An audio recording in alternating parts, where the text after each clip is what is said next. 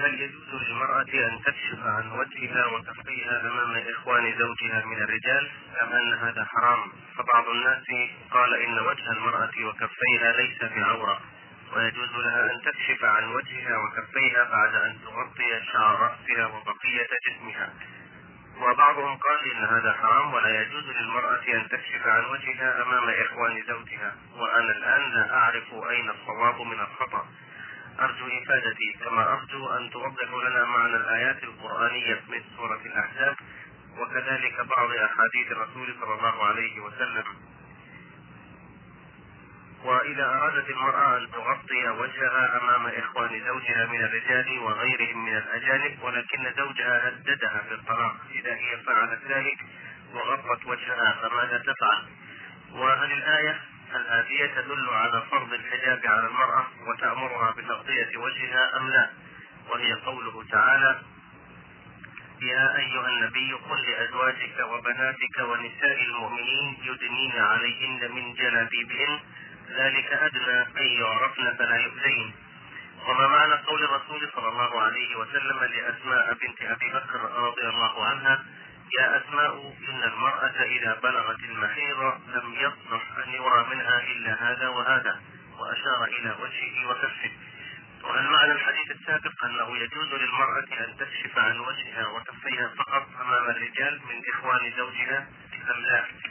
وإذا كان يجوز للمرأة أن تكشف عن وجهها وكفيها فقط أمام الرجال فما معنى أن الرسول صلى الله عليه وسلم أمر زوجتيه أم سلمة وميمونة رضي الله عنهما أن يحتجبا من ابن أم مكتوم وهو رجل أعمى لا يبصر حيث قال لهما احتجبا منه. فقالت إحداهما للرسول أليس هو أعمى لا يبصرنا ولا يعرفنا؟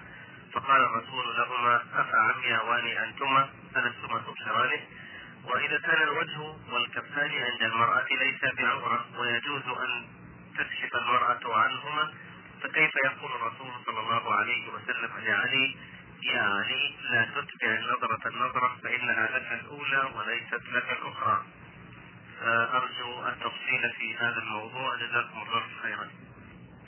هذا الموضوع هذا الموضوع من أهم الموضوعات وأشدها إلحاحا لبيان الحق فيه في هذا العصر الذي كثر فيه الخوض في مسألة النساء.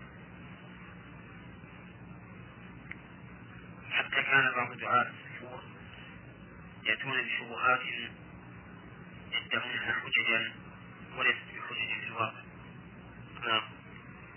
وكثير منهم يعلم إذا لم يتجاهل ما وقع فيه النساء اللاتي بنين تبرجهن وسفورهن على رأي يراه بعض أهل العلم.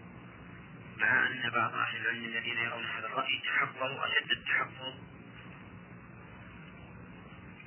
في المنع مما وصلت إليه حال النساء في هذا العصر. فليس فليس الأمر اقتصر على وجه الكفين بدا على كشف الوجه والكفين. ولكن بدا الرأس وبدأت وبدت الرقبة وبدا النحر وبدا الذراعان وبدا العضدان. وبدت الأقدام والسيقان حتى أصبح أمرا منكرا في إجماع المسلمين بناء على ما فتح لهؤلاء من قول بعض أهل العلم بجواز كشف الوجه والكفين. وقد ذكر بعض أهل العلم أنه إذا خيفت أو كان القول ذريعة إلى أمر محرم فإنه يكون فإن القول بالإباحة ينقلب إلى محرم. لأن من القواعد المقررة في علم الشريعة سد الذرائع. سد ما كان ذريعة إلى حرام. فالمباح حتى لو كان مباحا صريحا. إذا كان منتجا ولا بد لأمر محرم صار ذلك الأمر محرما ألا ترى إلى قوله تعالى ولا تسبوا الذين يدعون من دون الله فيسبوا الله عدوا بغيره. كيف نهى الله تعالى عن سب آلهة المشركين؟ مع أن سبها أمر مشروع بالواجب. إذا كان سبها يؤدي إلى سب الله تبارك وتعالى المنزه عن كل عيب وحق وقد ذكر بعض أهل العلم أنه بإجماع المسلمين إذا خيفت الفتنة كشف الوجه واليدين عن الكفين فإن كشف ما يكون حرام. والفتنة في زمان هذا محققة في كشف الوجه والكفين. وعلى هذا يكون مقتضى هذا القول. الذي لا شك فيه فإن العلماء قد قيدوا جواز كشف الوجه والكفين بأن الفتنة فإذا خيبت الفتنة فهو حرام. وبعد هذه المقدمة نجيب على هذا السؤال بإذن الله تعالى مرة أخرى فقول السائل هل يجوز للمرأة أن تكشف عن وجهها وكفيها أمام إخوان زوجها من الرجال؟ أم أن هذا حرام؟ نقول إن هذا حرام فإن إخوان زوجها كغيرهم من الأجانب لا يحل لهم أن ينظروا إلى زوجة أخيه ولا يحل لها أن تكشف عن وجهها وكفيها أمامه كما لا يحل ذلك في غيرهم أيضا بل إن إخوان الزوج وأقاربه أشد خطرا من الأجانب ولهذا لما حذر النبي صلى الله عليه وسلم من الدخول على النساء قالوا يا رسول الله أرأيت الحمو؟ قال الحمو الموت. يعني أنه يجب الفرار منه كما يفرغ من الموت. نعم. وعلى هذا فإنه يتبين به الجواب أو بهذا يتبين الجواب عن الفقر الثانية وهي أن زوجها يتوعدها بالطلاق إذا لم تكن وجه هذه الولي فنقول إن هذا أمر بمعصية والأمر بالمعصية لا يجوز للإنسان أن يمتثله لأنه لا طاعة لمخلوق في معصية الخالق. وإني لأعجب من هذا الرجل كيف يأخذ ذريته بأن تكشف وجه إخوانه لأن هذا دليل على عدم الغيرة إذ أن الإنسان يغار الإنسان ذو الفطرة السليمة يغار من أن يرى أحد وجه امرأته مكشوف أمامه وعليه فنقول تصمم هذه المرأة على عدم كشف وجه لإخوانه ولو أحدث الطلاق والرجل الذي لا يحدث بينه وبين زوجته إلا مثل هذه المسألة معناه أنه ليس له رغبة في زوجته. إذ كان له لو كان رغبة في زوجته لكان تصميمها على على أن تحتجب عن إخوته مما يدعو إلى إمساكها والتمسك بها. وأما الفقرة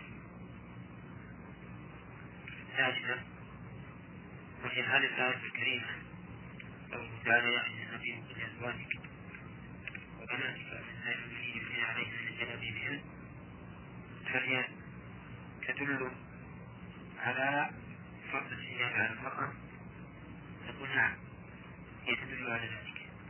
لأن الجلابيب جمع الجلباب وهو بمنزلة العباءة للمرأة وإذا كان واجبا تدني عليها منه فمعنى ذلك أنه لا بد أن تستطاع وجهها ولهذا قال ابن عباس أن الله نساء المؤمنين إذا خرجن من بيوتهن في حاجة أن يغطين وجوههن من فضل خبزهن بالجلابيب ويبكين عين واحدة. هذا تفسير ابن عباس كما ذكره عن ابن كثير رحمه الله. ومعنى هذا أنها تدل على أنه يجب على المرأة أن تستر وجهها أما ما ذكره السائل حديث أسناد أبي بكر أن النبي صلى الله عليه وسلم قال أن المرأة إذا بلغت المسير لم يصح أن يرى منها إلا هذا وهذا وأشار إلى وجهه وكفيه الحديث ضعيف. فإن راويه أبا داود قال خالد بن فيكون منقطعا وهي ضعف أيضا يجتمع فيها الإنسان الانقطاع وضعف أيضا عندة ثالثة وهي أن أسماء بنت أبي بكر لا يمكنها أن تدخل على النبي صلى الله عليه وسلم بثياب الرقاق يصل بشراتها وهي في سن كبير. إذا دخلت عليه. هذا بالسبب يكون لأنه مخالف للحياة الذي هو فيها فهو معلوم مثلا وسندا فلا يحتج فيه. وأما ما ذكره السائل في حديث سلمة وميمونة حين دخل عليهما المكتوب أخبرهم النبي عليه الصلاة والسلام أن منه. الحديث ضعيف أشار إلى رأيه الإمام أحمد رحمه الله ويدل لرأيه أنه مخالف للأحاديث الصحيحة الدالة على جواز نظر المرء إلى الرجل إذا لم يكن فتنة فإن عائشة رضي الله عنها كان النبي عليه الصلاة والسلام يذكرها فتنظر إلى الحبشة يلعبون في المسجد وفاطمة بنت قيس أمرت النبي صلى الله عليه وسلم تعتد في بيت ابن مكتوم وقال إنه رجل أعمى فضعينا ثيابك عنده وكذلك عمل الناس يدل على هذا نعم فإن المرأة تمشي في السوق محتجبة لكنها ترى الرجال من وراء حجابها ولو كان نظرها إلى إلى وجه الرجل محرما لوجب على الرجال أن يحتجبوا عن عن النساء كما يحتجب النساء عن الرجال وهذا أمر خلاف المعلوم فالصحيح أن المرأة يجوز لها أن تنظر إلى وجه الرجل بشرط لا يكون هناك فتنة ليس هناك فتنة نعم وبهذا يتبين الجواب عن الفقرة الأخيرة التي ذكر فيها عن حديث علي بن أبي طالب رضي الله عنه أن النبي صلى قال لا تسمع النظرة الأبرق فإنها فإنما لك الأولى وليس لك الثانية لأن هذا يؤيد ما ذكرناه من تحريم نظر الرجل إلى وجه المرأة وأنه يجب على المرأة أن تستر وجهها عن الزنا. هذا حديث صحيح؟ حديث علي بن أبي طالب لا لا يحصل من هذا لأنه صحيح أو حسن لكن على شراط السعي لهم تقول لهم بغير ما ذكرناه ولا نعم بارك الله فيكم هذه رسالة من السائلة أم عوف من العراق بغداد. تقول هي امرأة كانت متزوجة وأنجبت من زوجها ابنا وبنتا خلال ثلاث سنوات. وبعد ذلك حصل بينهما سوء تفاهم ونشبت بينهما خلافات فهجرها وانفصلت عنه بدون طلاق وبقيت مدة ست سنوات دون أن يطلقها. ورفعت عليه دعوا في المحكمة طالبة الطلاق ولم يحضر هو بل وكل والده وفعلا حضر والده وصدر الحكم لصالحها بالتفريق بينهما فهي تسأل أولا هل هذا يعتبر طلاقا شرعيا بهذا الشكل وتبدأ فيه العدة من تاريخ صدور الحكم أم ماذا؟ وما هو الحكم الشرعي في فعل هذا الزوج معها؟ وهل تجب عليه لها النفقة خلال تلك المدة التي علقها فيها؟ هذا الذي جرى من المحكمة لا يعتبر طلاقا وإنما إلا أن يكون صدر من القاضي له الطلاق واعتبره طلاقا فهو طلاق.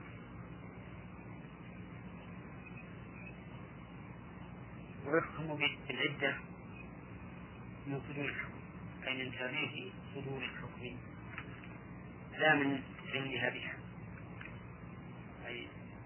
علمها بهذه المفارقة وأما وجوب النفقة عليه في مدة تعليقها فإن هذا لا يرجع إليها وإنما يرجع إلى المحكمة. إذا شاء طالبه بذلك فإن المحكمة هي التي تفصل بينهما. وإن تركته فلا حرج عليه لأن الأمر يرجع إليها لكن هو لا يأثم بترك هذه المدة الطويلة دون أن يأثم إذا لم يكن منها سبب إن كان منها سبب نعم. فإنه لا إثم عليه لأننا في الحقيقة لا ندري ما هو سبب هذا الخلاف. وسبب المفارقة يعني لبيت زوجها قد تكون هي السبب في ذلك. إذا كانت هي السبب في ذلك فإنه يدفع نفقة وليس عليه إثم في ما دامت هي التي هجرته آه، هذا السؤال من المستمع عبد السلام عجة من جمهورية جيبوتي. آه، يقول إذا غاب رجل عن زوجته مدة طويلة ولا يعلم خبر فتزوجت من رجل آخر وبعد عشرتهما مدة عاد زوجها الأول من غيبته. فهل يستمر نكاح الرجل الثاني بها أم ينفسخ؟ ولو قدر بينهما ولد فلمن يلحق نسبا وهل تعتد من الزوج الثاني وإذا عادت للأول فهل يكفي عقدهما القديم أم لابد من تجديد عقد؟ هذه المسألة يعبر عنها بتزوج امرأة المفقود فإذا فقد الزوج ومضت المدة التي يبحث عنه فيها ثم حكم بموته واعتدت منه وتزوجت آخر. ثم قدم فإن له الخيار بين أن يبدأ زواجه بحاله وبين أن ترد زوجته إليه. فإن بقي الزواج بحاله فالأمر ظاهر والعقد صحيح. وإن لم يحصل ذلك وأراد أن ترجع إليه زوجته فإنه فإنها ترجع إليه ولكنه لا يجاملها حتى تنتهي عدتها من القتال ولا تحتاج إلى عقد بالنسبة للزوج الأول لأن نكاحه الأول لم يوجد ما يبطله حتى تحتاج إلى عقد. وأما ولده من الزوج الثاني فهو ولد شرعي ينسب إلى أبيه. لأنه حصل من نكاح مأذون فيه. وما ترتب عليه وهو حق من الله المأذون الثاني ليس له خيار فيما إذا أراد الزوج الأول. الزوج الثاني ليس له خيار فيما إذا أراد الخيار الأول. الأول. آه، السؤال الثاني يقول إذا وجب على المرأة صيام شهرين متتابعين فهل انقطاع صيامها بسبب عذرها الشرعي يؤثر على شرطية التتابع؟ لا يؤثر على شرطية التتابع. يعني إفطار بعذر شرعي وهكذا نقول في غيره لمن كان عليه الصيام شهرين متتابعين فقطع التتابع بعذر شرعي أو بعذر حسي فإنه لا ينقطع التتابع فإذا قدر أن شخصا عليه صيام شهرين متتابعين فسافر في أثنائهما فإن سفره هذا إذا أفطر فيه لا لا ينقطع به التتابع لأنه يصل من المسكين وكذلك لو انقطع بعذر شرعي كما لو صار في أثناء هذين الشهرين صادف شهر رمضان أو صادف أيام عيد الأضحى وأيام التشريق وما أشبه ذلك فإنه لا يقع إنما عليه آه، يعني فورا أو فور انتهاء هذا العذر أن يستأنف الصيام نعم. بارك الله فيك. أيها خلف رشدان العازمي من الكويت. يقول خرجت ذات يوم أنا وبعض أصحابي في نزهة إلى البر وكان المكان الذي ذهبنا إليه يبعد عن المدينة التي نسكن فيها بحوالي سبعين كيلو متر ولما حان وقت صلاة رباعية اختلفنا حول جواز القصر في هذه المسافة لسببين. أولهما أننا لسنا مسافرين وإنما خرجنا للنزهة وثانيهما أن المسافة التي بيننا وبين المدينة أقل من مسافة القصر. ولكن منا من يقول إن الرسول صلى الله عليه وسلم كان يقصر الصلاة لمسافة ثلاثة فراسخ. فهي تقارب المسافة التي قطعناها. وقصر بعده أصحابه رضي الله عنهم أجمعين فما رأيكم في هذا من ناحية جواز القصر لمن قطع مسافته وإن لم يكن مسافرا ومن ناحية ضبط المسافة بالكيلومتر ومقارنته بالفراسخ جزاكم الله خيرا. الحمد لله رب العالمين وأصلي وأسلم على نبينا محمد وعلى آله وأصحابه أجمعين. الجواب على هذا السؤال هو أن أهل العلم اختلفوا في جواز القصر هل يحدد بمدة أو بمسافة؟ أو لا يحدد ويرجع في ذلك إلى العرف فأكثر أهل العلم يرون أنه محدد بمسافة. ومقدارها واحد وثمانون كيلا كيلا وثلاثمائة وبضعة عشر مترا. ومن قطع هذه المسافة ولو في نصف يوم فإنه يحل له وقت الصلاة والفطر في رمضان. ويرى آخرون من أهل العلم أنه لا يحدد بالمسافة أعني أعني السفر الذي يمكن القصد والفطر وإنما يرجع في ذلك إلى العرف كما سماه الناس سفرا فهو سفر. وذلك بأن يكون الخروج مستعدا له الإنسان متأهبا له في السفر يودع عند سفره ويستقبل عند وجوده. وهذا القول هو ظاهر الأدلة. لأن الله تعالى يقول وإذا ضربتم في الأرض فليس عليكم جناح أن تقصروا من الصلاة. لم يحدد الله تعالى مسافة هذا الترك بل أطلقه. متى كان الإنسان ضاربا في الأرض خالقا لوطنه فإنه يحل له الضرب وثبت في الصحيح من حديث أنس بن مالك رضي الله عنه أن النبي صلى الله عليه وسلم كان إذا خرج مسافة كان إذا خرج ثلاثة أميال أو فراسخ صلى ركعتين. وهذا أقل بكثير مما ذكره السائل حيث ذكر أنهم بعدوا عن البلدة نحو سبعين كيلو. نعم. والمهم أن هذا القول هو الراجح لأنه لا دليل يدل على تحديد المسافة. ماذا سمى الناس هذا غربا في الأرض وسفرا لبس له أحسن السفر قد يكون تكون المسافة قصيرة سفرا باعتبار طول مدة الركعة الإقامة وقد تكون مسافة بعيدة غير سفر باعتبار قصر مدة الإقامة. فهؤلاء الذين خرجوا إلى هذه النزهة إذا كانوا سيبقون يومين أو ثلاثة أو أكثر فمعنى ذلك أنهم متأهبون قربة السفر مستعدون لهذه الرحلة فيجوز لهم القصر. حتى وإن كانوا قد خرجوا للنزهة لأن الآية منسوخة وأما إذا كانوا سيخرجون الصباح ويرجعون في المساء فالظاهر أن هذا ليس بالسفر وأنه لا يحل لهم القصر وليعلم أنه ينبغي أن نتخذ قاعدة مهمة وهي أننا إذا شككنا في جواز إذا إذا شككنا في وجود شروط الجواز فالأصل عدم الوجود. وعلى هذا فإذا شككنا أن هذا سفر وليس بسفر فإن الأصل عدم أن يكون سفرا. فلا يستباح به القصر ولا السفر.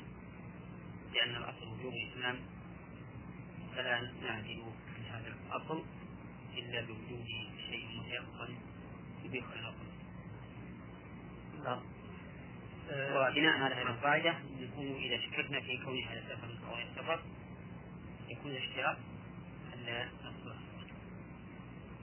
بوجود أو توفر وسائل النقل الأحادية وسرعة قطع هذه المسافة هي مثلا 80 كيلو أو أكثر أيضا هل هذا يبيح يعني أحكام السفر بالنسبة لقصر الصلاة؟ نعم على القول بتحديد السفر بالمسافة لا فرق بين أن يقطعها في يعني ليست العلة هي المشقة والتعب نعم.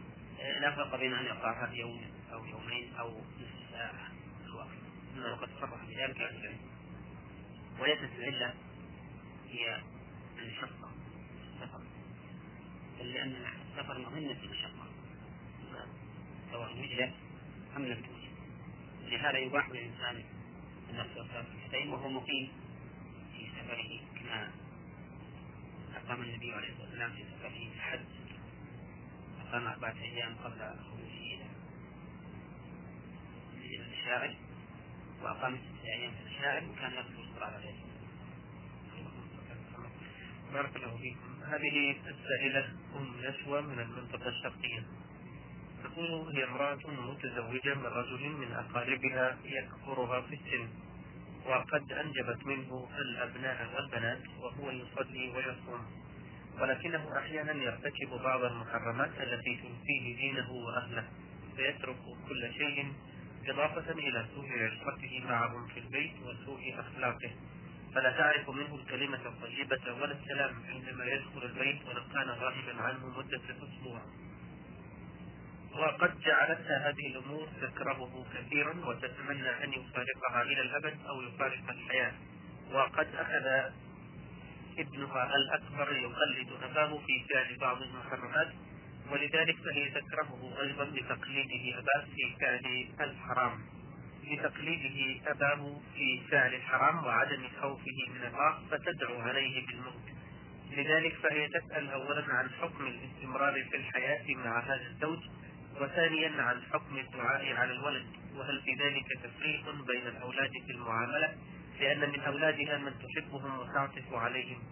وثالثا تريد أن تعمل عملية تمنع أن تحمل من هذا الرجل الخبيث كما تصفه فهي تكره أن تنجب منه زيادة خوفا أن يسلكوا مسلكه. ورابعا إن هي فارقته فمع من يكون الأولاد؟ فهي تخشى عليهم إن بقوا مع والدهم أن يؤثر عليهم ويفسد أخلاقهم؟ نعم. قبل الجواب على هذا السؤال نوجه نصيحة إلى هذا الرجل إن كان ما قالت زوجته فيه صدقا أن يتوب إلى الله عز وجل وأن يرجع عما وصلته به زوجته حتى تستقر له الحياة. وتطيب له. لأن الله عز وجل وعد وعدا مؤكدا لأن من عمل صالحا من ذكر أو أنثى وهو مؤمن أن يحييه حياة طيبة. قال الله عز وجل من عمل صالحا من ذكر أو أنثى وهو مؤمن فلنحيينه حياة طيبة ولنجزينهم أجرهم بأحسن ما كانوا يعملون. وإذا رجع الله عز وجل وتاب إليه وأناب وحافظ على ما أوجب الله عليه فيجد لذة وطعما للإيمان وإشراحا بشعائر الإسلام وتطيب له الحياة ويكون كأنه ولد من حينه.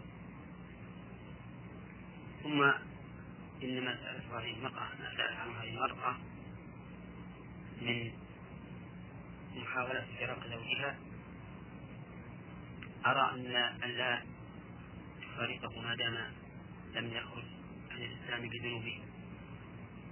ولكن تصبر وتحتسب من أجل الأولاد وعدم تفرقهم وعليها أن تكرر النصيحة لزوجها. فلعل الله سبحانه وتعالى أن يهديه على يديه. وأما الدعاء على ولدها بالموت هذا خطأ.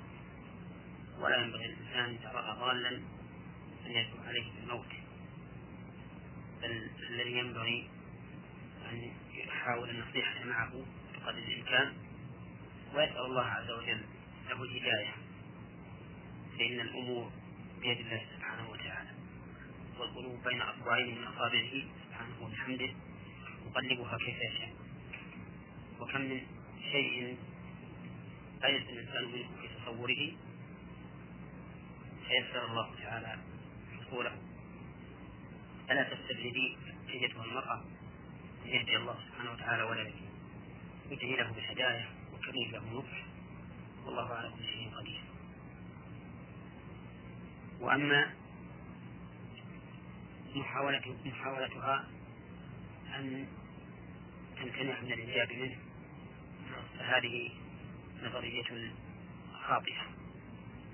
وذلك لأن الإنجاب أمر محبوب في الشريعة.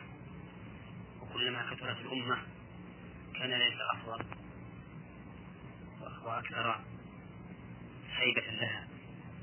ولهذا امتن الله عز وجل على بني إسرائيل بالكثرة حيث قال سبحانه وتعالى وجعلناكم أكثر عافية وقال شعيب لقومه واذكروا إذ كنتم قليلا فكثركم وأمر النبي عليه الصلاة والسلام بتزوج الودود الولود لتحقيق مباراة النبي صلى الله عليه وسلم في أمته يوم القيامة. والأمة كلما كثرت قويت ماديا ومعنويا كما هو من تصور بعض السوء الذين يظنون أن الكثرة توجب ضيق المعيشة. وهؤلاء أساءوا الظن بالله عز وجل. وخالفوا الواقع. وقد قال الله تعالى ومن يتوكل على الله فهو حسبه وقال سبحانه وتعالى وما من دابة في الأرض إلا على الله رزقها ويعلم مستقرها ومستودعها وأولئك الأمم الذين ضاقت عليهم العيشة بكثرتهم إنما أوتوا من حيث قلة اعتمادهم على الله عز وجل وتوكلهم عليه. ولو أنهم توكلوا على الله وصدقوا بوعده ما ضاقت عليهم المعيشة وأما سؤالها الرابع عن أولادها ماذا يكونون لو فارقت زوجها؟ فهذا أمره إلى المحكمة. هي التي تبت بها الأمر وتنظر في الحال والواقع. أي الأمرين أصلح أن يكون عند أبيهم أو عند أبيهم والمعتبر في هذا صلاح صلاح أمر الأولاد.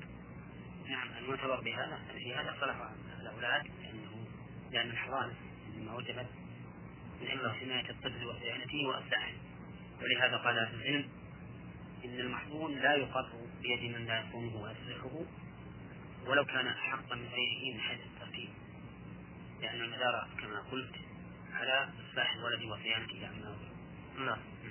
أحسن الله إليكم. آه هذا السائل من العراق بغداد. رمز لاسمه بالأحرف عين جيم جيم. آه بعث في الواقع بعدة أسئلة. يقول في سؤاله الأول ما هي حقيقة نجاسة المشرك والكافر؟ وهل معنى هذا أنه لو مس أحد المسلمين أحد المشركين أو الكفار وهو على طهارة أن طهارته قد انتقضت أم أن النجاسة معنوية وليست حسية؟ نجاسة المشركين بل نجاسة جميع الكفار نجاسة معنوية. نعم. وليست نجاسة حسية يقول النبي صلى الله عليه وسلم إن المؤمن لا ينجس. ومعلوم أن المؤمن ينجس نجاسة حسية إذا أصبت النجاسة تنجس. نعم. فقول لا ينجس علم أن المراد نفي النجاسة المعنوية. وقال الله عز وجل يا أيها الذين آمنوا إنما المشركون نجس فلا يقربوا المسجد الحرام بعد عامهم هذا فأخبر الله تعالى أنه نجس وإذا قررنا هذا بما ثبت في حديث أبي هريرة من أن المؤمن لا ينجس علمنا أن المراد بالنجاسة بنجاسة المشرك وكذلك غيره من الكفار نجاسة معنوية وليست حسية ولهذا أباح الله لنا طعام الذين أوتوا الكتاب مع أنهم يباشرونه بأيديهم وأباح لنا المحصنات من الذين أوتوا الكتاب للزواج بهن مع أن الإنسان سيباشرهن ولم يأمرنا بغسل ما أصابته أيديهم ولا بغسل ما مس نساءهم نساءهم في الزواج. وأما قول السائل أنه إذا مس الكافر يقول وضوءه نعم. فهذا وهم منه. فإن فإن مس النجاسة لا ينقض الوضوء حتى لو كانت النجاسة حسية كالبول والحجر والدم النجس وما أشبهه فإن مسه لا ينقض الوضوء وإنما يوجب غسل ما تلوث بالنجاسة فقط. السؤال الثاني يقول ماذا على من يتسبب في قطيعة الرحم من إثم؟ كأن يمنع زوج زوجته من مواصلة أهلها وأقاربها أو يمنع والد ابنه أو ابنته من مواصلة أقربائه أو أقربائها لأمها أو لأمه كأجداده وأخواله. الذي يأمر بقطيعة الرحم مضاد لله ورسوله. إن الله تعالى أمر بصلة الأرحام. وأخبر. وحث النبي عليه الصلاة والسلام على صلة الرحم.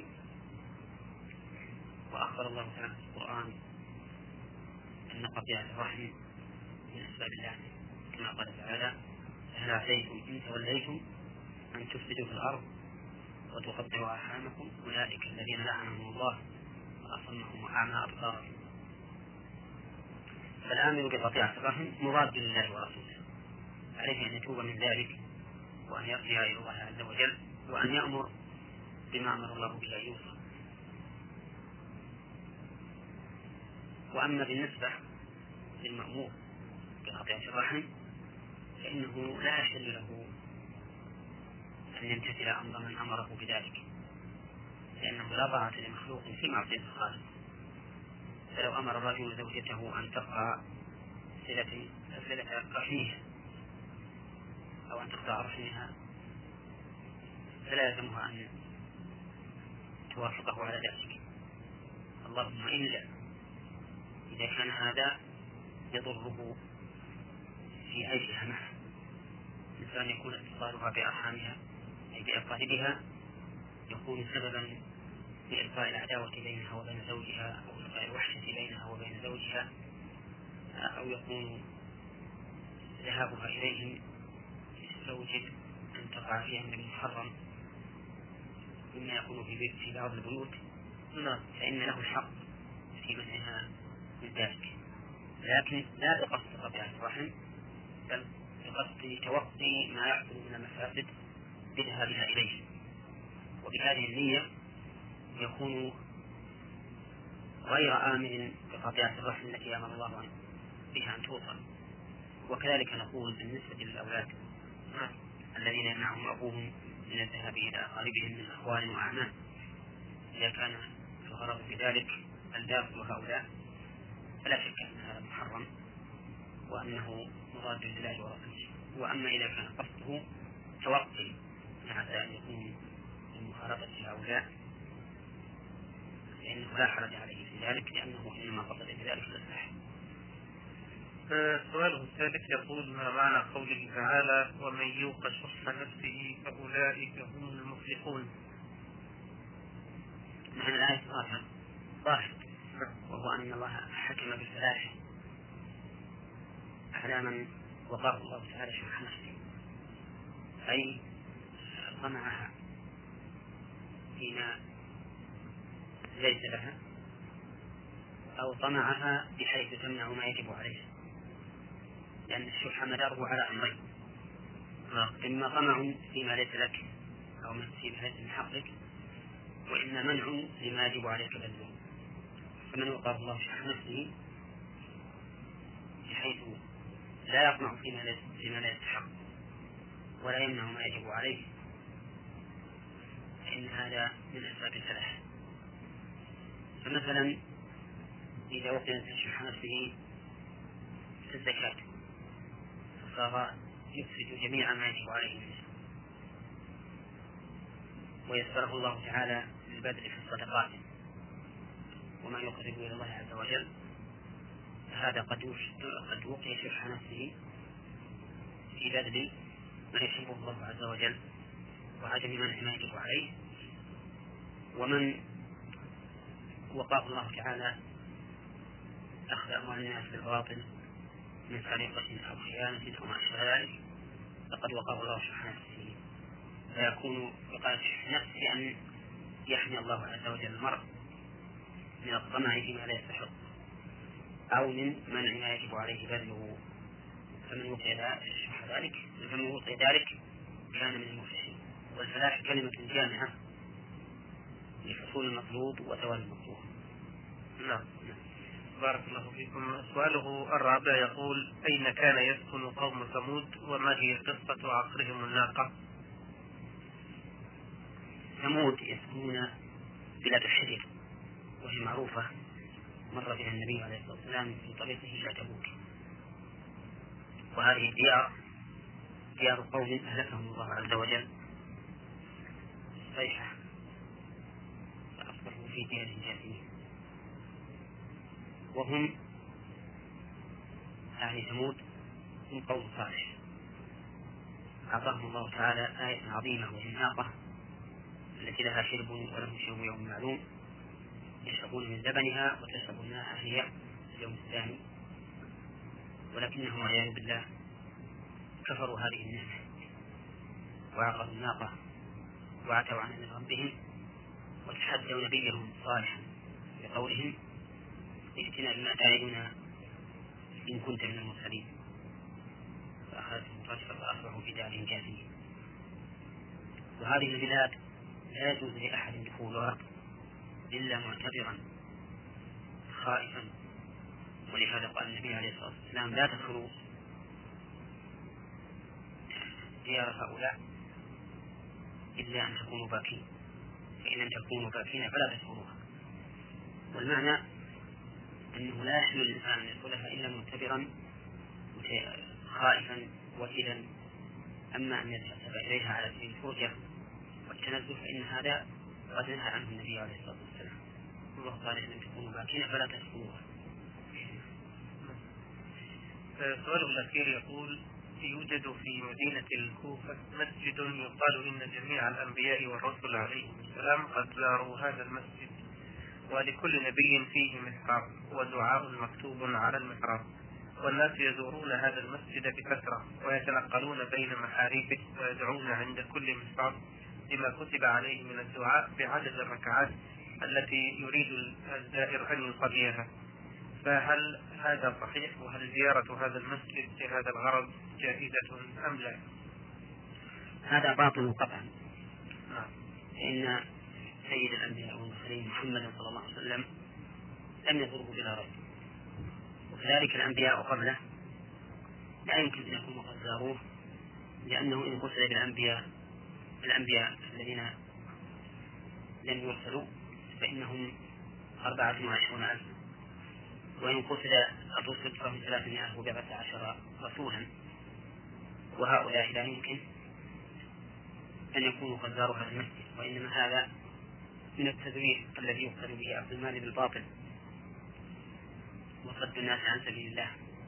والذهاب إلى هذا المسجد بهذه النية محرم ولا يجوز. والواجب على المسلمين أن يتحققوا في هذه الأمور وأن ينصحوا من مارس القيام بتعظيمها واحترامها. وليس هناك مساجد تشد الرحال إليها إلا ثلاثة المسجد الحرام ومسجد النبي صلى الله عليه وسلم والمسجد الأقصى وما عدا ذلك من المشاهد أو المساجد فإنه لا أي حال ثم إن غالب هذه الأمور تكون كذبا مزورة والمسلم العاقل يعرف أن هذا من التدمير بأول نظرة. لكن حكم الصلاة فيه حكم الصلاة فيها. قلت لك إنها أو قلت في الجواب نعم إنه لا يجوز قصده للصلاة فيه وأنه حرام. وأما الصلاة فيه كبقعة مثل أن يمر به الإنسان مرورا عابرا نعم فيصلي فيه فإنه لا بأس به. يعني دون بدون أن يعتقد ما ذكره السائل لعموم قول النبي صلى الله عليه وسلم جعلت الأرض مسجدا وطهورا. إلا أن يخشى أن يفتتن أحد لصلاته فيه فإنه يتجنبه. ويتقدم عنه ويصلي في مكان آخر. نعم. جزاكم الله خيرا وأحسن إليكم. ألف سين سين من جمهورية اليمن الديمقراطية حضرموت يقول أنا رجل متزوج ولي ثمانية أشهر منذ تزوج ولكني كثير الوسوسة ودواما أشعر بنفسي توسوس في الطلاق وليس بيني وبين زوجتي أي مشكلة ولا أستطيع أن أطلقها. وأكثر الأحيان تأتي هذه الوسوسة وأنا في الصلاة. يعني أشعر بنفسي تقول إذا ما وقع كذا وكذا على أي شيء معين فعلي بالطلاق. وبعض الأحيان قد يقع ذلك صحيح وبعض الأحيان لا يقع. وأيضا في بعض الأيام أجلس أنا وزوجتي فنتحدث في أي حديث كان لا يتعلق بهذا الشيء. ولكني لا أشعر إلا بنفسي تقول صادقة ولكني لا أنطق بهذه الوسوسة عند زوجتي. وقد دخلني الشك من هذا الأمر. أفيدوني ماذا أفعل؟ جزاكم الله خيرا حتى أتخلص من ذلك الوسواس. وهل يقع شيء في ذلك أم لا؟ الحمد لله رب العالمين وأصلي وأسلم على نبينا محمد وعلى آله وأصحابه أجمعين. قبل الإجابة على هذا السؤال أود أن أبين للأخ السائل ولغيره ممن يستمعون إلى هذا البرنامج. بأن الله تعالى يقول إن الشيطان لكم كان إن الشيطان لكم عدو فاتخذوه عدوا إنما يدعو حزبه ليكونوا من أصحاب السعير. فللشيطان هجمات على القلب يدخل فيها القلق على الإنسان والتعب النفسي حتى يكدر عليه حياته. واستمع إلى قول الله تعالى إنما النجوى من الشيطان ليحزن الذين آمنوا وليس بضارهم شيئا إلا بإذن الله. يتبين لك أن الشيطان حريص على ما يحزن المرء كما أنه حريص على ما يفسد دينه. وطريق التخلص منه أن يلجأ الإنسان إلى ربه بصدق وإخلاص فيستعيذ بالله من الشيطان الرجيم. لقوله تعالى وإما ينزغنك من الشيطان نزغ فاستعذ بالله إنه سميع عليم وليتحصن بالله عز وجل حتى يحميه من هذا الشيء من هذا الشيطان العدو له. وإذا استعاذ بالله منه ولجأ إلى ربه بصدق وأعرض عنه بنفسه حتى كأن شيئا لم يكن من هذه الوساوس فإن الله تعالى يذهبه عنه. ونصيحتي لهذا الأخ الذي ابتلي بهذا الوسواس في طلاق امرأته أن لا يلتفت إلى ذلك أبدا وأن يعرض عنه إعراضا كليا فإذا أحس به في نفسه فليستعذ بالله من الشيطان الرجيم حتى يذهبه الله عنه. أما من الناحية الحكمية فإن الطلاق لا يقع بهذه الوساوس. لقول النبي صلى الله عليه وسلم إن الله تجاوز لأمتي ما حدثت به أنفسها ما لم تعمل أو تتكلم. فما حدث الإنسان به نفسه من طلاق أو غيره فإنه لا يعتبر شيئا. وإذا كان طلاقا فإنه لا يعتبر حتى لو عزم في نفسه على أن يطلق لا يكون طلاقا حتى ينطق به. فيقول مثلا زوجتي طالق. ثم إن المبتلى بالوسواس لا يقع طلاقه حتى لو تلفظ به في لسانه إذا لم يكن عن قصد. لأن هذا اللفظ باللسان يقع من من الوسوس من الموسوس من غير قصد ولا إرادة. بل هو مغلق عليه مكره عليه لقوة الدافع وقلة المانع. وقد قال النبي عليه الصلاة والسلام لا طلاق في إغلاق. فلا يقع منه طلاق إذا لم يرده إرادة حقيقية بطمأنينة. فهذا الشيء الذي يكون مرغما عليه الإنسان بغير قصد ولا اختيار فإنه لا يقع به طلاق. وقد ذكر لي بعض الناس الذين ابتلوا بمثل هذا أنه قال مرة من المرات ما ما دمت في قلق وتعب سأطلق فطلق بإرادة حقيقية. تخلصا من هذا الضيق الذي يجده في نفسه وهذا خطأ خطأ عظيم. والشيطان لا يريد من ابن آدم إلا مثل هذا أن يفرق بينه وبين أهله. ولا سيما إذا كان بينهم أولاد فإنه يحب أن يفرق بينهم أكثر. لعظم الضرر. والعدو كما هو معلوم لكل أحد يحب الإضرار بعدوه بكل طريق وبكل وسيلة. والطريقة التي فعلها هذا الذي ذكر لي طريقة ليست بصواب وليس دواء من ابتلي بالوسواس أن يوقع ما يريد الشيطان منه بل دواؤه أن يستعيذ بالله من الشيطان الرجيم. ونظير هذا أن بعض الناس يكون على طهارة فيشك في الحدث هل أحدث أم لا؟ فيذهب ويتبول أو يخرج الريح من دبره من أجل أن ينتقض وضوءه يقينا ثم يتوضأ وهذا أيضا خطأ وهو خلاف ما أرشد إليه النبي عليه الصلاة والسلام. فسئل عن رجل يجد الشيء في صلاته فقال عليه الصلاة والسلام لا يخرج. حتى يسمع صوتا أو يجد ريحا.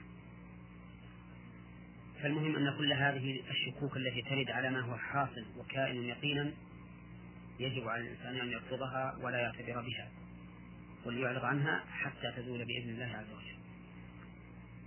بارك الله فيكم. هذا المستمع عين طاء ألف هاء من المدينة المنورة يقول لي أخت من الأب وقد زوجها أبي من رجل بدون رضاها وبدون أخذ إذنها وهي تبلغ 21 سنة.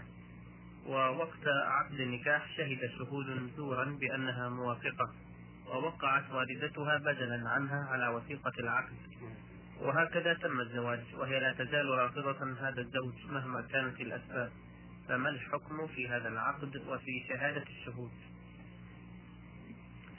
هذه الأخت لك إن كانت بكرا وأجبرها أبوها على الزواج بهذا الرجل فقد ذهب بعض أهل العلم إلى صحة النكاح.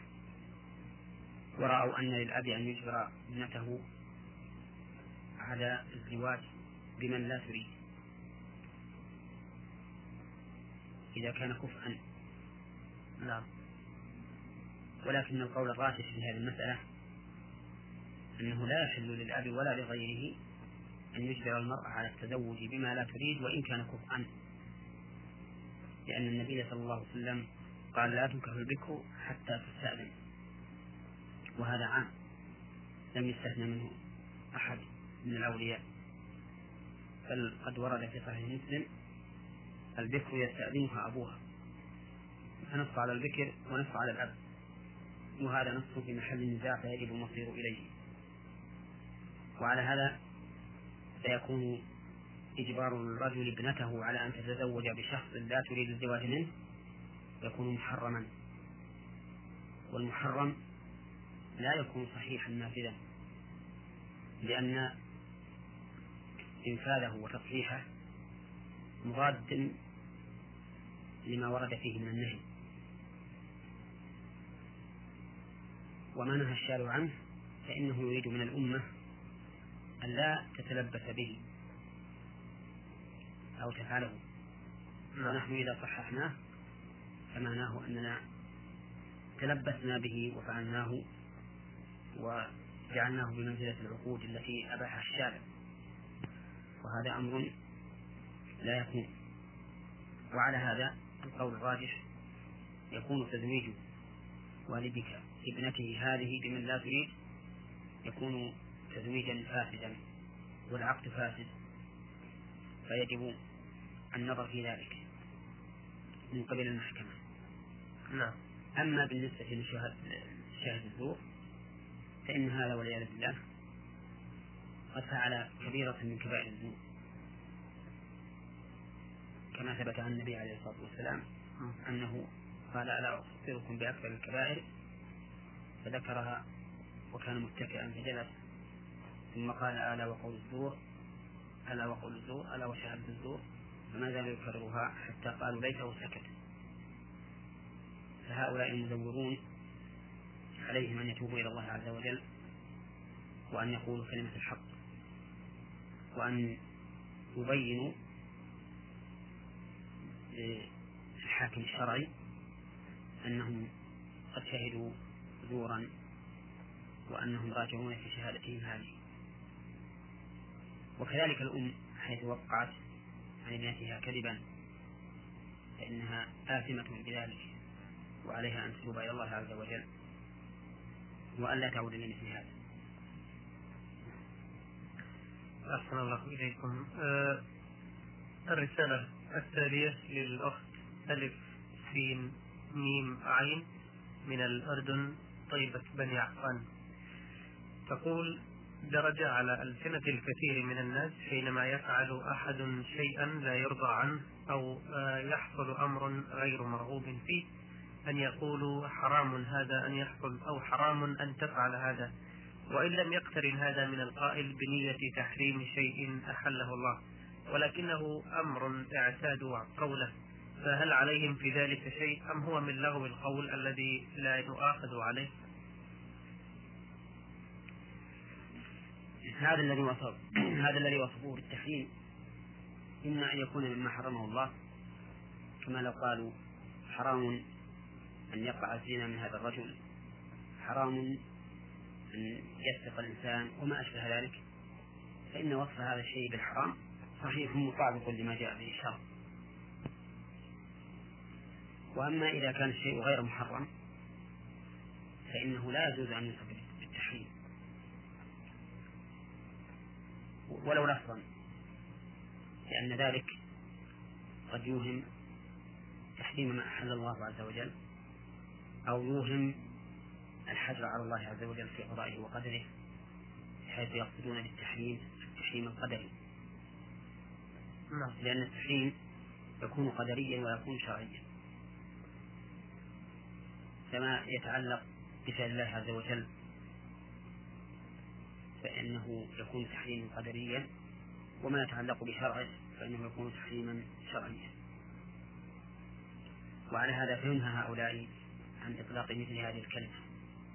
ولو كانوا لا يريدون بها التحريم الشرعي لأن التحريم القدري ليس إليه معنى بل هو إلى الله عز وجل هو الذي يفعل ما يشاء فيحدث ما شاء أن يحدثه ويمنع ما شاء أن يمنعه. والمهم أن الذي أرى أنهم يتنزهون عن هذه الكلمة وأن يبتعدون عنها وإن كان قصدهم في ذلك شيئا صحيحا حيث يقصدون فيما أظن أن هذا الشيء بعيد أن يقع أو بعيد أن لا يقع. ولكن مع ذلك أرى أن يتنزهوا عن هذه الكلمة. سؤالها الثاني تقول آه، لأختان متزوجتان من ابني عمي. وقد حصلت بين أسرتنا وأبناء عمي خلافات أوجبت القطيعة بين إخوتي وأهلي وبينهم إلى درجة أن أخي لا يزور أخواته اللاتي تزوجن عندهم ولا في أي مناسبة ولا يعلم عن أحوالهن شيئا وكذلك والدتي قاطعت بناتها مجاملة لأخي حتى لا يغضب منها فهل عليهم في ذلك شيء أم لا؟ نعم عليهم في ذلك شيء وذلك أن قطيعة الرحم محرمة وهي من كبائر الذنوب. من قبل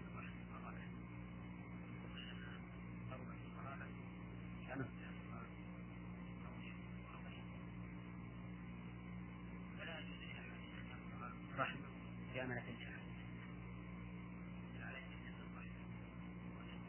الله عليه.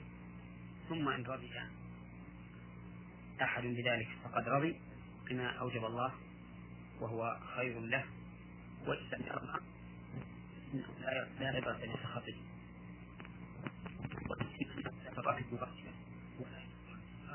مراعاة ومحاباة له نعم. آه، سؤالها الأخير تقول هل يجوز للمرأة أن تزيل الشعر الذي بين الحاجبين إذا كان يشوه منظرها أو تقوم بترقيق شكل الحواجب وتحسينها أم لا؟ هذه المسألة تقع على وجهين. نعم. الوجه الأول أن يكون ذلك بالنفس فهذا محرم وهو من الكبائر لأنه من النمص الذي لعن النبي صلى الله عليه وسلم فاعله الثاني أن يكون على سبيل القصد والحرف. فهذا فيه خلاف بين أهل العلم. هل يكون من النمص أم لا؟ والأحوط تجنب ذلك. وألا تفعله المرأة. أما ما كان من الشعر غير معتاد بحيث ينبت في أماكن لم تجد العادة بها كأن يكون للمرأة شارب أو ينبت على خدها شعر أو ما أشبه ذلك فهذا لا بأس بإزالته لأنه خلاف المعتاد وهو مشوه للمرأة. فأما الحواجب فإن من المعتاد أن تكون رقيقة دقيقة وأن تكون كثيفة واسعة. هذا أمر معتاد. وما كان معتادا فإنه لا يتعرض له لأن الناس لا يعدونه عيبا بل يعدون فواته جمالا أو وجوده جمالا. وليس من الأمور التي تكون عيبا حتى يحتاج الإنسان إلى إزالته. نعم. بارك الله فيكم. آه السائل ألف ميم ألف من السودان بعث بهذا السؤال. يقول رجل تزوج من ابنة خاله وقد أنجبت له خمسة أطفال وبعد هذه المدة دار حديث بين الأسرة ووالدته فذكرت والدته أنها أرضعت زوجة ابنها يوم أن كان عمرها تسعة أشهر. وقالت في أول الأمر إنها أرضعتها مرة واحدة وبعد الإلحاح عليها في الصدق والتأكد منه قالت إنها لا تتذكر كم رضعة أرضعتها آه، أهي مرة واحدة أم أكثر لطول المدة. فقد مضى على ذلك حوالي عشرين عاما. فماذا يفعل هذا الزوج في هذه الحالة؟ ليس على الزوج في هذه الحالة شيء؟ وذلك لأن الرضاع لا يثبت إلا إذا كان خمس رضعات. في الحولين وقبل الفطام. فما دون ذلك فإنه لا يحرم ولا يثبت به شيء من أحكام الرضاع. ولكن إذا حصل شك في الرضاع هل بلغ الخمس أو هو دون الخمس؟ فإن الأصل عدم ثبوت ذلك. فلا تحريم حينئذ. لكن الاحتياط لا يتزوجها مع الشك أما وقد تم الزواج الآن وانعقد على وجه صحيح فإنه لا يلزمه أن يفارقها لعدم وجود المفسد المتيقن. العقد الآن ثابت متيقن والمفسد غير متيقن. نعم. ولا يترك المتيقن لغير المتيقن وحينئذ فإنه يبقى مع زوجته هذه ولا حرج عليه. إلا أن تتذكر الأم فيما بعد أنها أرضعت هذه هذه المرأة خمس مرات فأكثر في وقت الرضاع الذي يثبت به التحريم. فإنه حينئذ يتبين أن العقد فاسد ويجب عليه مفارقتها. والأولاد الذين حصلوا أولاد شرعيون لهذا الرجل لأنهم خلقوا من ماء يعتقد صاحبه أنه حصل بمقتضى الحكم الشرعي. نعم. أه، أحسن الله إليكم. الرسالة التالية من الأخت كاف ميم عين من العراق محافظة البصرة. تقول توفي رجل كان يتصف بالكرم وحسن الخلق ولكنه لم يكن يصلي ولا يصوم وبعد وفاته دفع أهله مبلغ ثلاثة آلاف دينار لشخص آخر لكي يصلي عنه قضاء ما فاته من صلوات ويصوم عنه. فهل يصح ذلك شرعا؟ وما حكم أخذ المال عن ذلك؟ هذا الرجل الذي توفي وهو لا يصلي ولا يصوم توفي والعياذ بالله على الكفر. نعم. لأن القول الراجح من أقوال أهل العلم والذي تؤيده نصوص الكتاب والسنة وأقوال الصحابة رضي الله عنهم أن تارك الصلاة كافر. أما جاحد الصلاة فإنه كافر ولو كان يصلي. والنصوص الواردة إنما وردت في الترك لا في الجحود.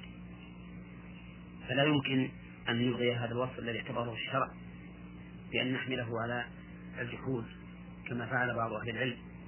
وحمل النصوص الواردة في تكفير تاركها على من تركها جحودا فإن هذا الحمل يستلزم إلغاء الوصف الذي علق الشارع الحكم عليه واعتبار وصف آخر لم يكن مذكورا.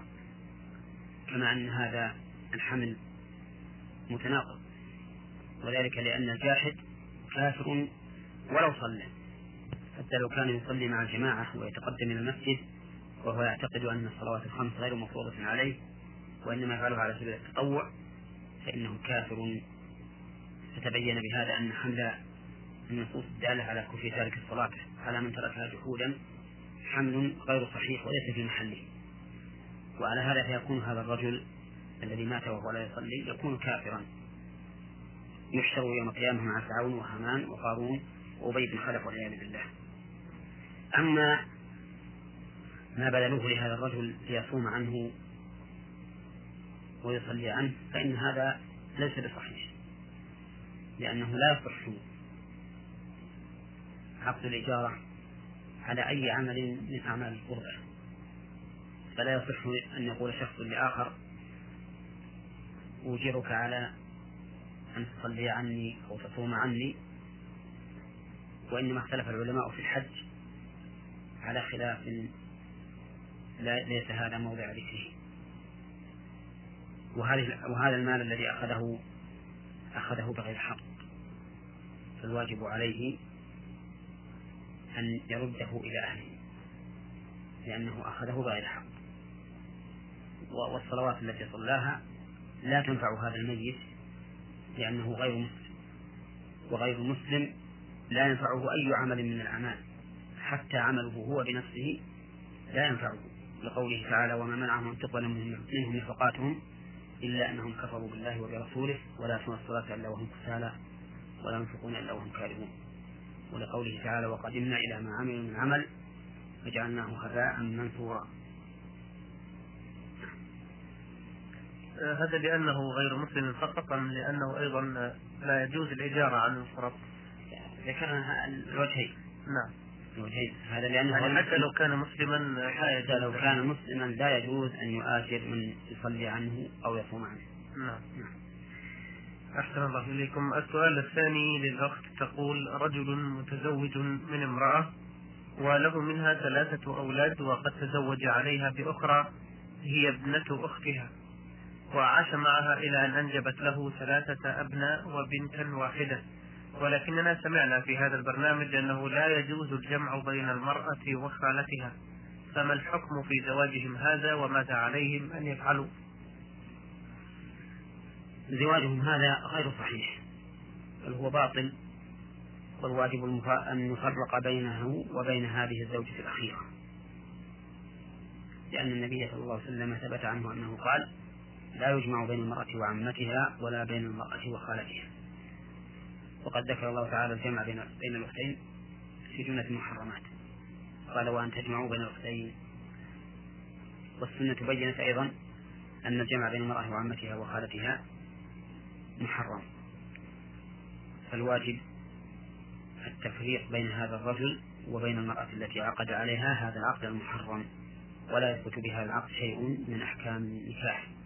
اللهم إلا أن تأتي بأولاد منه في حال الجهل فإن هؤلاء الأولاد يلحق نسبهم بأبيهم فيكون أولادا لأبيهم وأمهم. نعم. لو أراد أن يستبقيها ويطلق الأولى يصح هذا؟ إذا كان يريد هذه الثانية فإن النكاح الأول لا يمكن أن يبنى عليه. نعم. بل إذا طلقت الأولى وانتهت عدتها فإنه يعقد على الثانية عقدا جديدا. النكاح الأول ليس بصحيح يعني لابد أن تنتهي عدة الأولى نعم. هذا الطلاق. نعم. نعم. آه، سؤالها الأخير تقول هل يجوز استعمال بعض المواد الغذائية كالطحين والبيض والعسل واللبن ونحوها كعلاج لما قد يصيب الوجه من أمراض كالكلف ونحوه؟ وإن لم يكن لمرض بل لمجرد تجميل البشرة فهل يجوز أيضا؟ الجواب من المعلوم أن هذه الأشياء من الأطعمة التي خلقها الله عز وجل لغذاء البدن. ولكن إذا احتاج الإنسان إلى استعمالها في شيء آخر ليس بنجس. كالعلاج فإن هذا لا بأس به. لقوله تعالى هو الذي خلق لكم ما في الأرض جميعا. فقوله تعالى لكم يشمل عموم الانتفاع إذا لم يكن ما يدل على التحريم. نعم. وأما استعمالها للتجميل فهناك مواد أخرى يحصل التجميل بها سوى هذه فاستعمالها أولى. وليعلم أن التجميل لا بأس به بل إن الله سبحانه وتعالى جميل يحب الجمال ولكن الإسراف فيه حتى يكون أكبر هم الإنسان بحيث لا يهتم إلا به ويغفل كثيرا من مصالح دينه ودنياه. من أجله هذا أمر لا ينبغي لأنه داخل في الإسراف والإسراف لا يحبه الله عز وجل. بارك الله فيكم. طبعت به المستمع رمز لاسمه بالأحرف زاء لام ميم عين من جمهورية اليمن الديمقراطية الشعبية. يقول عندي صديق سحرت زوجته من قبل أناس أعداء له ولأهله وحاول أن يعالجها بشتى الطرق مثل الكي وغيره ولكن دون فائدة. ودلنا رجل على إنسان يعالج السحر بالسحر. فهل عليه إثم لأنه يستخدم السحر في نفع الناس من السحرة الآخرين ولم يضر به أحد؟ وهل على صديقي هذا إثم لأنه ذهب إلى هذا الساحر لعلاج زوجته مما أصابها من السحر؟ بسم الله الرحمن الرحيم. الحمد لله رب العالمين وأصلي وأسلم على نبينا محمد وعلى آله وأصحابه أجمعين. أما بعد فقبل الإجابة على هذا السؤال أود أن أبين أن السحر من أكبر المحرمات. بل هو من الكفر إذا كان الساحر يستعين بالأحوال الشيطانية على سحره أو يتوصل به إلى الشرك. وقد قال الله تبارك وتعالى واتبعوا ما تتلو الشياطين على ملك سليمان وما كفر سليمان ولكن الشياطين كفروا يعلمون الناس السحر. وما أنزل على الملكين ببابل هاروت وماروت وما يعلمان من أحد حتى يقولا إنما نحن فتنة فلا تكفر. نعم. فهذا دليل على أن تعلم السحر كفر. السحر المتلقى من الشياطين وعلى هذا فيجب الحذر منه والبعد عنه حتى لا يقع الإنسان في الكفر المخرج من الملة والعياذ بالله.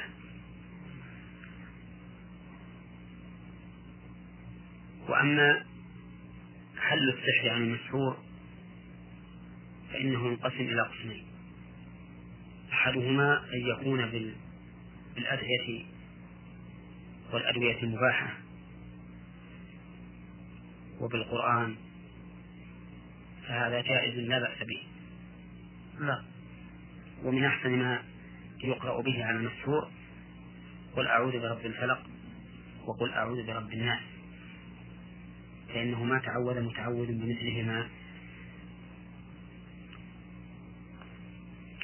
وتارة يكون حل السحر بالسحر. وهذا مختلف فيه سلفا وخلفا.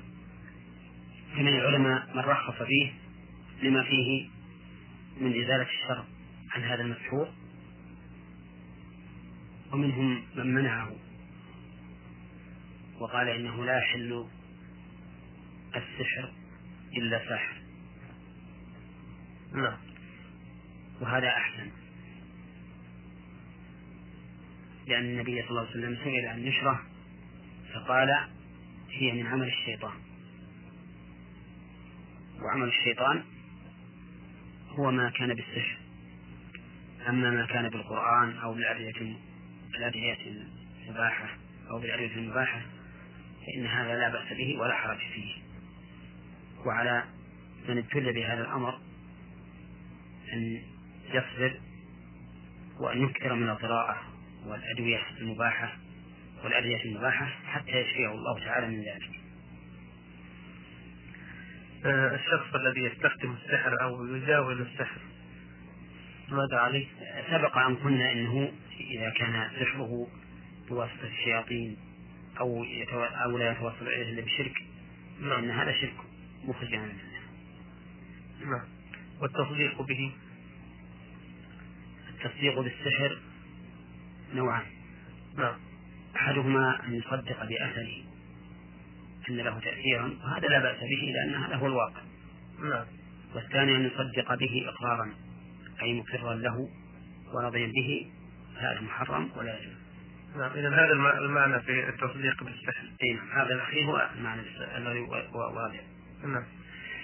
بارك الله فيكم السؤال التالي للأخت عين ميم من العراق بغداد تقول إنها امرأة تزوجت من رجل كان متزوجا قبلها بأخرى وقد أنجبت له تسعة أولاد أكبرهم فتاة متزوجة وقد توفيت زوجته الأولى فتزوج بها وكانت بمثابة الأم لأولاده الموجودين في البيت إلا أنها لم تلق من زوجها وأولاده إلا كل شقاء وأذى حتى من ابنته المتزوجة فهي تخرج من بيت زوجها بدون إذنه وتأتي لتحدث المشاكل والخلافات في بيت أبيها مع زوجته. ويحدث كل ذلك على مرأى ومسمع من أبيهم الذي لا يحاول منعهم أو ردعهم بل على العكس يقف إلى جانبهم ظلما.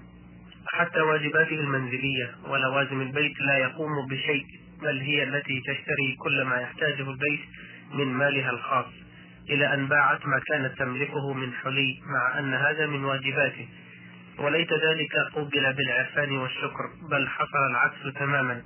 وقد طلبت منه الطلاق فرفض أن يطلقها فلا هو عاشرها بإحسان ولا فارقها بإحسان.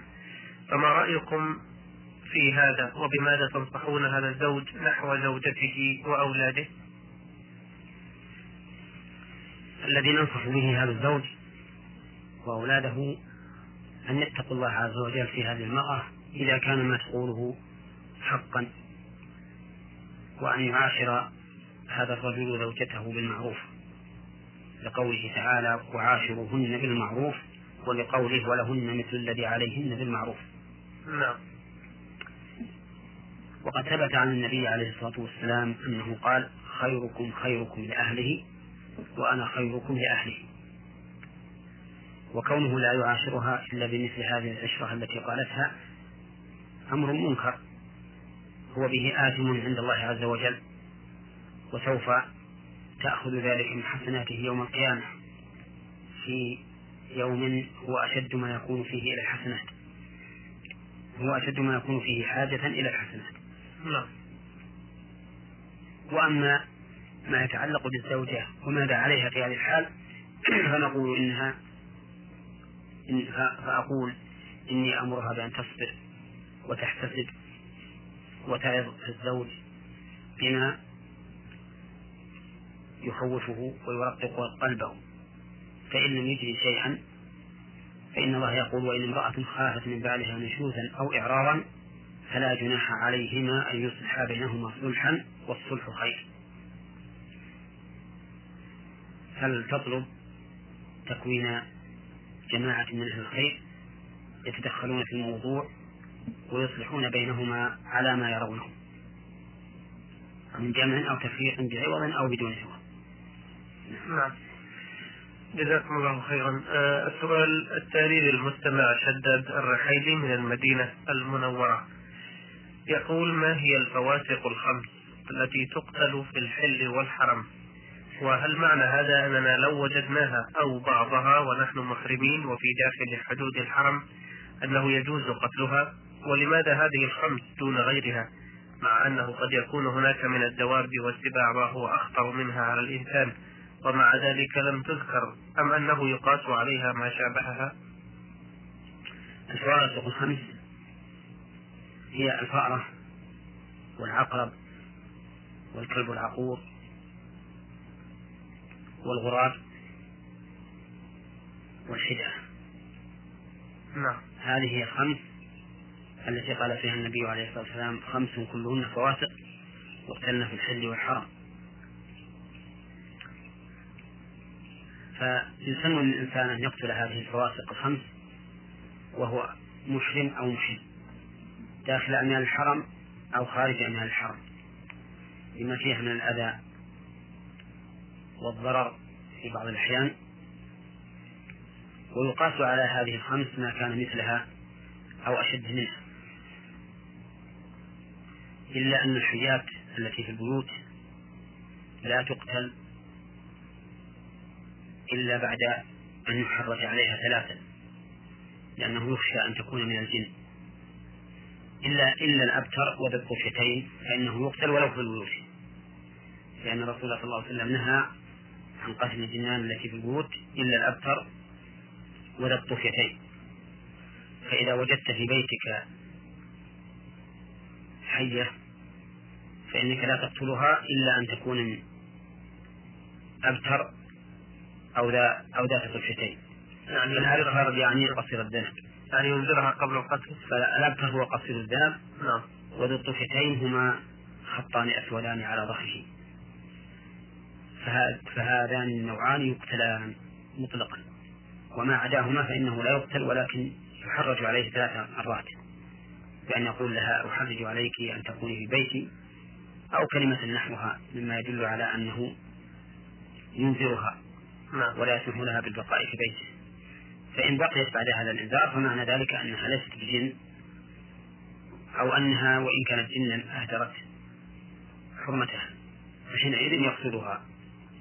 نعم. ولكن لو اعتدت عليه في هذه الحال فإن له أن أن يدافعها ولو بأول مرة.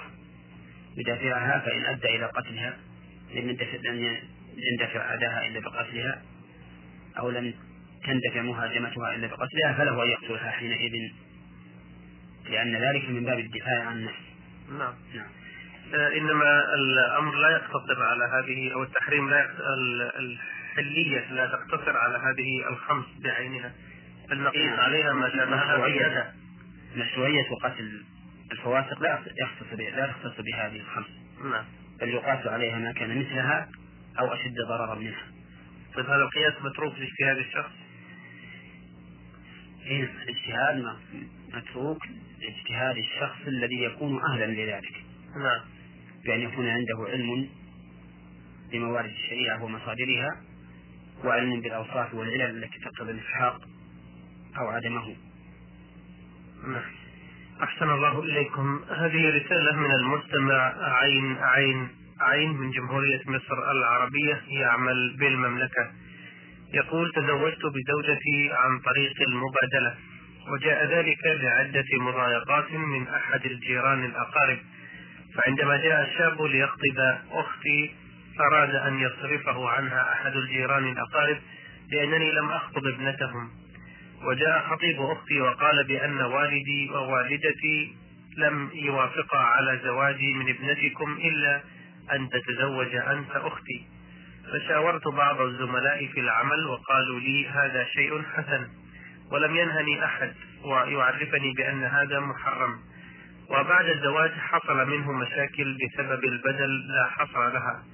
فاعترفت بخطئي. ولقد رزقت أربعة أولاد والأمور قد استقرت ولكني سألت رجلا متفقها في الدين. وقال لي بأن زواجك ليس من الإسلام والإسلام يبطله ويسمي زواجك الشغار. ونهى عنه رسول الله صلى الله عليه وسلم ولا بد بأن تعقد عقدا من جديد وتعطي مهرا لزوجتك قبل أن تلازمها علما بأننا عقدنا العقد الأول بمقدم وبمؤخر ولم أعطها من المقدم شيء. إلا أنني جهزت بيتي وشقيقتي وهو جهز بيته وشقيقته. فهل ذلك العقد يكون باطلا ولا بد من تجديده؟ أو ماذا علينا أن نفعل؟ هذا العقد الذي ذكرت هو على خلاف نكاح الشراء. لأن نكاح الشراء يقول لا أزوجك ابنتي حتى تزوجني ابنتك. وأما سؤالك فإنه يقول لا أتزوج ابنتك أو أختك حتى تتزوج أختي. نعم. فهو على العكس من نكاح الشرع. ومع هذا فإننا نقول إذا كان إذا وقع ذلك على سبيل المبادلة بمعنى أن كل واحدة من المرأتين تكون مهرا للأخرى فإن ذلك لا يجوز.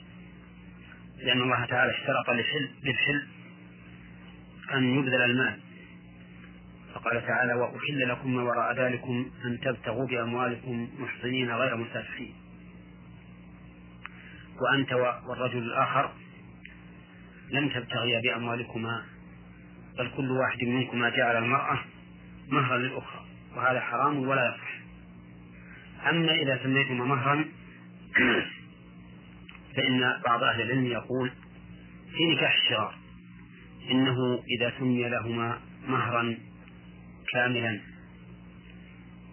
ورضيت كل امرأة بالرجل الذي تزوجها فإن النكاح حينئذ يكون صحيحا. والذي أفتيكم به أن ترجعوا في هذا إلى المحكمة لديكم. فإن أقرت النكاح الأول فعلى ما تراه المحكمة وإن لم تقره ورأى الحاكم الشرعي أنه لا بد من إعادة النكاح فليعد النكاح. نعم. نعم. هو يقول عقدنا العقد بمقدم وبمؤخر لكنه لم يدفع شيئا من المقدم. نعم هو ظاهره أنه أن المهر قد سمي لكل من الزوجتين لكن لم يسلم فيبقى في ذمة الزوج. ولكن يبقى النظر هل نكاح الشغار هو أن يتزوج كل منهما بدون مهر أو بمهر قليل يتحيلون به وأنه إذا تزوج كل منهما بالمهر كاملا ورضيت الزوجتان فليس بشغار وهذا موضع نزاع بين أهل العلم وحيث إنه موضع نزاع فالذي أفتي به ما سبق. أن يرجعوا في ذلك إلى المحكمه. نعم. بارك الله فيكم. هذه السائلة أم حسين من العراق بغداد. تقول هي امرأة مؤمنة وتحاول جهدها أن تنفذ أمر الله في كل شيء وتطلب رضاه ولكن قبل عدة سنوات كان زوجها يشرب الخمر ولا يصلي بل كان يكفر بصلاتها وصومها. وحاولت أن ترشده إلى الطريق الصحيح فلم تستطع إلا بالتضرع إلى الله والتوسل إليه. في إبعاده عن الخمر. فاستجاب الله تعالى دعاءها وترك الخمر. وقد سمعت في هذا البرنامج أن الله حرم المؤمنات على الكافرين لأن زوجها لم يكن يصلي فقد وضعته بين أمرين. إما الفراق برغم ما عندهم من أولاد وبنات متزوجات وغير متزوجات وأطفال وإما أن يتوب إلى الله تعالى ويصلي له ويؤمن به. وقد أطاع أمر الله بالصلاة والحمد لله. ولكنها في حيرة وفي تفكير دائم. هل ما فات من استمرارها في العيش مع زوجها عندما كان كافرا فيه ذنب عليها؟ وماذا عليها أن تفعل لكي تكفر عن ذنبها إذا كان كذلك؟ هذه المسألة هذه المسألة من أخطر المسائل في عصرنا هذا وأهمها وأجدرها بالعناية. نعم. وقد تقدم لنا في غير ما حلقة في هذا البرنامج بأن تارك الصلاة يكون كافرا كفرا مخرجا عن الملة بدلالة الكتاب والسنة والآثار المروية عن الصحابة رضي الله عنهم. وبينا أن أدلة القائلين بعدم كفره ليس فيها أو ليس لها أو ليس فيها ما يدل على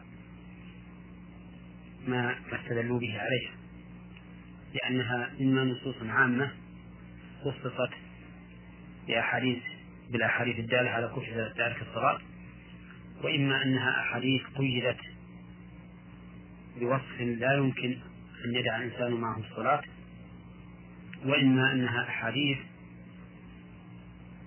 كانت في حال يعذر فيها الإنسان بترك الصلاة. وإما أنه لا دلالة فيها أصلا على ما ما ذكروا وعلى كل حال فالذي أراه في هذه المسألة التي سألت عنه المرأة أنه لا بد من إعادة عقد النكاح.